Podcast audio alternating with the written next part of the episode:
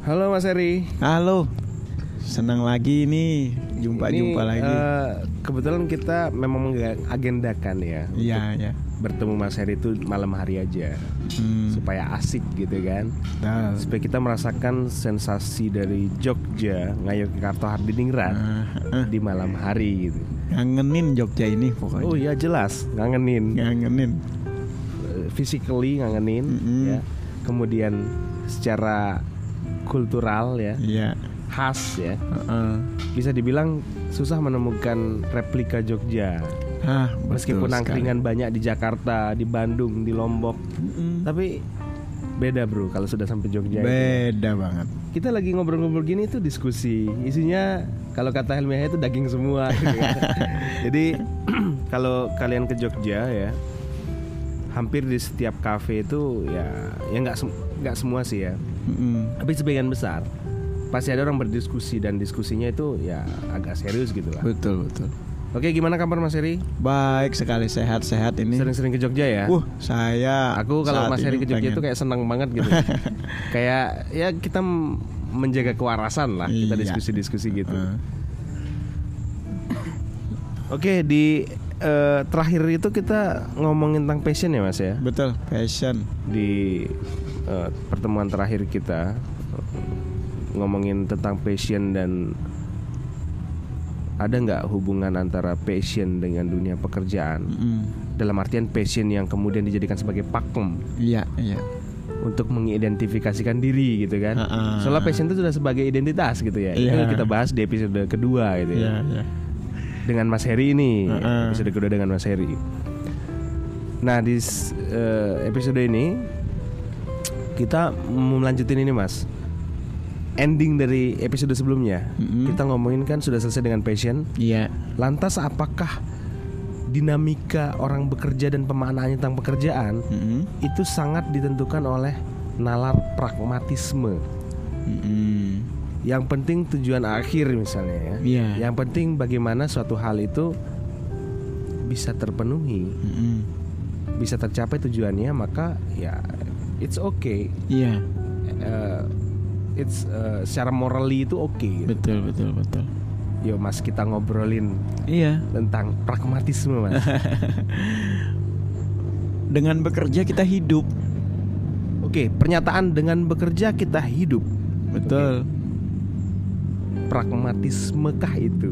Nah, Pragmatiskah itu atau merujuk pada suatu paham pragmatismekah itu? tidak bisa disangkal memang ya.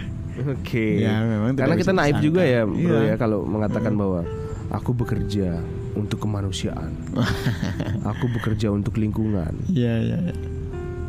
Ya, mungkin kalau terlalu kasar kita bilang tapi boleh bisa bilang ya agak bullshit. Ah iya. Pura-pura bego kan. memang bekerja kita hidup. Ginilah ya. Hmm. Eh, kenapa orang sampai khawatir dengan suatu wacana kepunahan? Mm-mm. Karena itu menyangkut dengan manusia itu sendiri. Iya. Lalu apa yang menyebabkan kita punah? Mm-mm. Lingkungan. Ya, Nggak lain ya lingkungan. lingkungan betul. Maka dari itu, mari kita merawat lingkungan, Iya. melestarikan lingkungan untuk generasi yang akan mendatang. Itu kan sudah pragmatis kan? Iya. Mas- maksudnya ada nggak sih aktivis lingkungan yang menjaga hutan, menjaga lingkungan untuk lingkungan itu sendiri? Lagi-lagi ukurannya manusia. Ukurannya Dan ada manusia. termnya itu ya, Iya. homo mensura. Manusia Iya. adalah ukuran bagi segala sesuatu. Heeh. Dan ya memang seperti gitu nggak sih mas? Artinya kita nanam pohon untuk oksigen. Mm-mm. Oksigen untuk apa? Untuk keberlangsungan hidup manusia. Betul. Kita playmaker. Siapa lagi selain kita yang menjadi playmaker? Oke, menarik ini ya. Hmm. Pakai playmaker sebagai analoginya. Iya. Nggak rame kalau Hmm. nggak ada playmaker. Kalau kita bukan playmaker, padahal kita yang memang menjadi pemanfaat paling banyak atas alam ini. Masa kita menyerahkan hanya pada hukum alam, Oke. sementara kalau kita serahkan pada hukum alam, maka kita bagian dari binatang atau bahkan tumbuhan semata yang hidupnya hanya begitu-begitu saja, terpola tanpa ada kreativitas. Nah, kreativitas kan bagian dari pekerjaan. Dan dengan bekerja kita hidup. Kalau itu dimaknai sebagai pragmatis, menurut saya ini bukan sisi yang salah dalam pragmatis. Tapi ini sisi yang menyelamatkan hidup kita dan masa depan termasuk generasi kita. Apa yang salah dari situ kan? Ya tolong dibedakan antara konsep pragmatis dengan perilaku pragmatis yang memang menyelamatkan kehidupan. Oke, Eh, misalnya kita lari ke paham instrumentalisme misalnya, Ah, ya ya ya. yaitu sepupuan lah atau saudara kandung dari pragmatisme lah. Ya ya ya. Ya bisa kita katakan dia sebagai ya salah satu pendekatan pragmatis juga ya. Hmm, betul, betul. Tapi lebih spesifiknya instrumentalisme itu misalnya kayak sains ya, kemudian hukum yang dibuat Mm. oleh manusia Ya. itu dibuat untuk mencapai tujuan. betul. Selagi tujuan itu nggak dicapai, hapus. Ah, ah. Jadi ukuran itu adalah sejauh mana hukum, sains, pendidikan itu Uh-uh. sebagai tools untuk mencapai suatu tujuan. iya. Nah, kita lihat sekarang Mas, Mm-mm. kampus Hmm. sekarang Mm-mm. mulai dipeluk, Ah. dirangkum, dirangkul Ya. oleh Dudi. Ya, rahasia umum ini kayak SMK Dudi. aja nih kampus jadi Iya, maksudnya menarik ini artinya kalau kita lihat jangan-jangan paradigma instrumentalis itu menguat dan juga pragmatis dalam dunia pendidikan kita sehingga itu berdampak pada bagaimana orang memaknai pekerjaan, bagaimana orang memaknai passion kalau Ya. kita kaitkan dengan episode sebelumnya gitu kan. Ini padahal dalam dunia usaha Oke, sebelumnya untuk Heeh. teman-teman yang penasaran Dudi itu apa sih? Ah, iya Ya. iya. Dudi itu singkatan dari dunia usaha, dunia, Dunia industri. industri, Ah, ya. pokoknya All about Heeh. industry ya. Iya. Ini kalau saya kalau saya ngelihat kalau kampus dipeluk dalam kepentingan mengembangkan ilmu demi tujuan pengembangan DUDI, ini kok kayak kampus menurunkan derajatnya menjadi equal dengan SMK ini. Tanpa kita mendiskredit SMK ya. Iya, betul. Seharusnya SMK itu kita apresiasi dalam tahapan tertentu Betul. yang dilanjutkan oleh kampus. Betul. Nggak berhenti di situ gitu. Nah, yang jadi pertanyaan, lah peran kontribusi pengembangan teori untuk memunculkan kreativitas-kreativitas itu mestinya dilakukan oleh kampus. Untuk memberikan ide-ide out of the box itu kampus. Iya ya. Sementara teman-teman SMK itu siap melaksanakan. Oke, dia sebagai ujung tombak eh, eksekutor Iya. mungkin ya. Betul. Ini bukan benar tadi bukan mendiskreditkan Iya. SMK karena Dia- saya juga SMK ini Iya. dulunya. STM SMK atau STM gitu ya jadi dia punya porsi yang kemudian itu harus berjalin kelindan dengan kampus ya Betul. kampus kan artinya dari pelajaran lah Mm-mm. kampus juga mempelajari pelajaran yang relatable dengan apa yang dipelajari anak SMA SMP iya. SD contohnya kewarganegaraan tapi Iya. cara kampus membicarakan itu harus berbeda dong Betul sekali. Kalau enggak kehilangan marwahnya. iya Masa kampus juga bicaranya sama dengan SMK? iya betul betul oke kembali kita ke Dudi tadi mas Iya. Eh, sekarang rame isu-isu sebenarnya bukan isu-isu yang eh, belakangan ini sih ya Mm-mm. tentang dikuranginya jumlah beasiswa di LPDP Hmm. yang relate ada di skop eh, ilmu sosial. Iya iya iya iya. Heeh. Jangan-jangan itu suatu bentuk yang membuat kita pesimis terhadap kemajuan suatu ilmu yang berprinsipkan interdisciplinary. Betul betul betul. Jadi seakan-akan kita nih mau ditempatkan murni sebagai follower, follower ya, Nah, pengikut saja nih, pengikut penurut dari sistem yang sudah ada, dari sistem pekerjaan, sistem ekonomi, sehingga riset-riset kampus pun diarahkan ke sana. Jadi pertanyaan, lalu peran kampus ini apa? Apakah hanya memproduksi SDM-SDM yang hanya untuk bekerja dalam DUDI yang sudah tersedia? Ya, oke. Tadi Mas Heri sempat bilang pragmatisme Mm-mm. itu nggak bisa kita tolak sama sekali 100% Iya betul. Setuju nggak mas? Pragmatisme itu kita manage dengan cara yang bagus Maka kita akan memetik hasil yang humanis gitu kan Benar.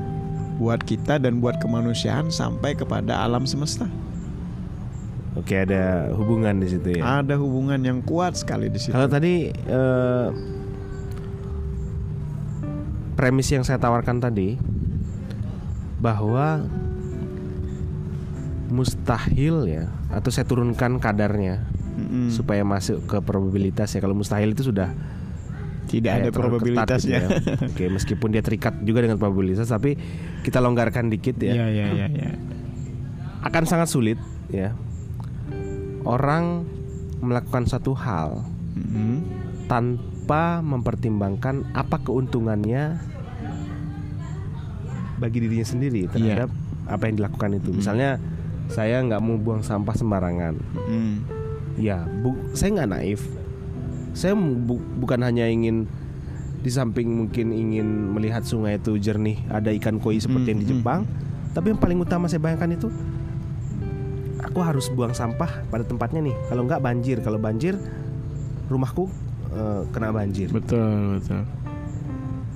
keluargaku akan susah, orang-orang di Indonesia akan susah, Mm-mm. akan miskin gitu. Mm-mm. Ujungnya kan ke manusia. Betul. Kita merawat lingkungan itu Mm-mm. supaya kita bisa maksimal memperoleh dampak yang positif dari lingkungan. Iya, dam outcome-nya kalau dalam bahasa ekonomi disebut Iya. outcome-nya itu. Nah, eh, menarik ya kalau kita bicarakan pragmatisme gitu. Mm-mm. Kita tidak bisa meninggalkannya, Gak bisa ninggalkannya. tapi kita bisa memanagenya. gitu. Betul. Down to earth. Gak bisa kita tetap terbang mengawang-awang padahal kaki kita masih terinjak di bumi. Oke, menarik ya. Down to earth. Yes. Mesti because we don't have uh, the pair of wings gitu ya Yes. kita nggak punya sayap Heeh. ya kita nggak bisa membicarakan atau membangun gagasan yang lepas landas dari pijakan kita Betul. Sebagai alumni filsafat juga nih, saya suka terbang, menerbangkan pikiran saya ke mana pun Hmm, saya suka. iya, iya. Tapi dalam perbuatan saya harus mendaratkan pada bumi. saya ingat uh, nanti mungkin Mas Heri kalau ketemu sama Martin Surajaya Ya. dikonfirmasi ini ya Ah, betul. Kita mestinya paham kapan waktu berfilsafat dan kapan Hmm. waktu beremeh-temeh gitu ya. ya betul. Nggak semuanya kita filsafatkan Heeh. karena bisa gila. Iya. Ketika bermain PS, bermainlah PS. Nah. Nikmatilah hyperrealitas. Mm-mm. Kalau kata filsafat kan ya kalau kita pikirkan itu hyperrealitas ya pumut juga. Mumet. Orang sekarang misalnya ngomong tentang uh, moral concern Hmm. ngomong tentang bagaimana free will, bagaimana hak gitu ya, Mm-mm. bagaimana equity, equality. Mm-mm. Tapi di satu sisi nanti dia ingin merayu perempuan. Hmm. Dia mengobjektifikasikan perempuan sebagai Iya. yang cantik, yang indah. Heeh. Ya kalau kita berfilsafat kan nggak nikmat kita bercinta gitu kan. Kebanyakan Kebanyakan teori gitu kebanyakan kan. Teorinya kebanyakan merenung. Iya, jadi Direnungkan terus kontemplasi. Nah, nanti kalau ketemu sama Martin Heeh, heeh. bisa diceritakan lagi tuh. Ah, betul. Bung, gimana itu, Bung? Eh, kita berfilsafat sesuai pada tempatnya itu kayak gimana? Ah, Supaya benar-benar berfilsafat itu sesuai dengan apa penyusun katanya ya. Pilein dan Sophos itu Iya, cinta oke. kebijaksanaan. mm-mm. Kalau kita pinjam itu kan banyak. Contohnya pinjam aja Sokrates Ya. dengan sopronnya itu ya, Mm-mm. soprosun. Iya. keugaharian kalau bahasa Ah. Indonesianya. Eh, kita tahu bahwa kita tidak tahu apa-apa. Mm-mm. Dan yang terpenting adalah hidup itu harus bisa dicek, harus bisa dipikirkan gitu kan. Iya. Nah, tapi nggak semua hal kemudian kita filsafatkan gitu ya. Mm. kita lagi ngomong-ngomong misalnya kan ya biasalah bercandaan cowok-cowok kan Mm, mm, mm. pas di kelas itu bahas teori feminisme Ya. setelah kelas nongkrong depan kelas mm. lewatlah cewek Ya. asal jangan di catcalling aja ya kalau sekarang kan lagi rame tuh kena kekerasan seksual kita asal jangan digodain tapi kita mengobjektifikasikannya dalam pikiran Mm, mm. itu kan sudah bertentangan dengan prinsip yang kita pelajari di kelas Iya. tapi it's heaviness Ah, ah. bagi kaum pria Iya, iya. dan itu dari zaman dulu ya ya asal enggak kemudian itu merugikan si perempuan itu Betul. asal jangan ide liar itu diimplementasikan dalam hal yang praksis gitu ya. Betul. Kembali ke hal yang sederhana kan, yang sering dikatakan dosen-dosen kita, ciri khas berfilsafat itu adalah berpikir radikal. Tapi bukan berarti berbuat radikal. oke itu beda hal ya Beda hal. Anda kita ini boleh lah, silahkan aja berpikir radikal, terbang ke mana saja yang kita suka. Tapi ingat, dalam perbuatan tidak selalu harus radikal. Masa gosok gigi harus dipilsafati? Itu suatu perbuatan yang just do it. Nah, dan itu yang banyak orang keliru ya. Hmm. Filsafat itu menanyakan semua hal. Kenapa ada kursi enggak? Kita harus paham juga mana yang sebagai problem filsafati, mana yang bukan Iya. problem filsafati. Buat apa memfilsafatkan orang gosok gigi kan? Iya. Buat apa memfilsafatkan hari ini makan warung mana gitu? Iya. Ya, take it easy lah ya. Sama kayak kita mencintai wanita kan. Ya, Menyukai lagi sesuatu. ya mungkin kita berpragmatis ya, Heeh. tapi sesuai dosisnya. Betul. Jangan overdosis pragmatis Ah. lalu hilang sense of humanismenya Heeh. sehingga dia melihat bahwa ya aku melakukan satu hal itu apa untungnya misalnya Hmm, hmm, aku membantu itu untungnya apa hmm, hmm. aku mempelajari ilmu itu untungnya apa di dunia kerja Hmm. padahal manusia itu multidimensional Hmm, hmm. Benar jangan sekali. sampai kita kalau kata Herbert Marcuse one dimensional man ya kan Iya. definisi kita tentang kebahagiaan itu hanya satu dimensi gitu kan Ah. definisi kita akan yang lain itu hanya satu dimensi hmm. Sedih sekali kehidupan mesti begitu. Sayang sekali jadinya. iya sayang sekali ya. Pengen bahagia malah mereduksi bahagia itu sendiri. Oke, misalnya kalau ini eh, sebagai akhir dari episode ini dari pandangan Mas Heri sebagai orang yang eh, cukup berpengalaman ya Hmm. dalam banyak bidang Iya, iya. di filsafat juga iya, mengajar juga iya, berbisnis apa lagi gitu kan. Hmm. Intinya bertemu dengan berbagai macam watak, berbagai macam horizon Hmm. manusia di situ. Nah, kasih kita di sini sebagai pendengar ya, Hmm.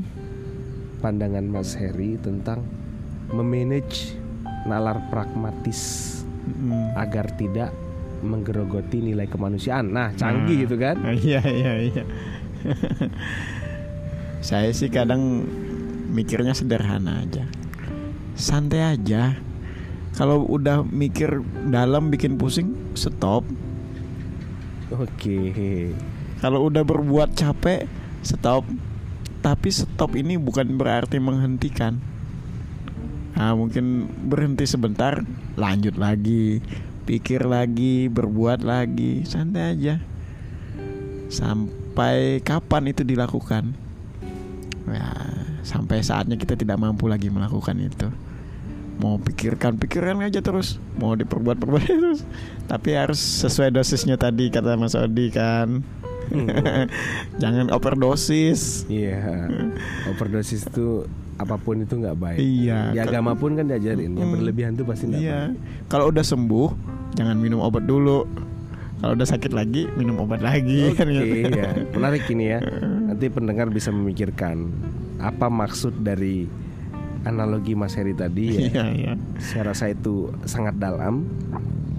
Nanti bisa kita bincangkan lagi eh, bentuk konkretnya dari mengimplementasikan cara memanage Hmm, kebahagiaan ya. berkaitan dengan pekerjaan, Hmm, memanage passion hmm. dan memanage nalar pragmatisme supaya tidak overdosis. iya, betul. Oke, thank Oke. you Mas Heri. Makasih.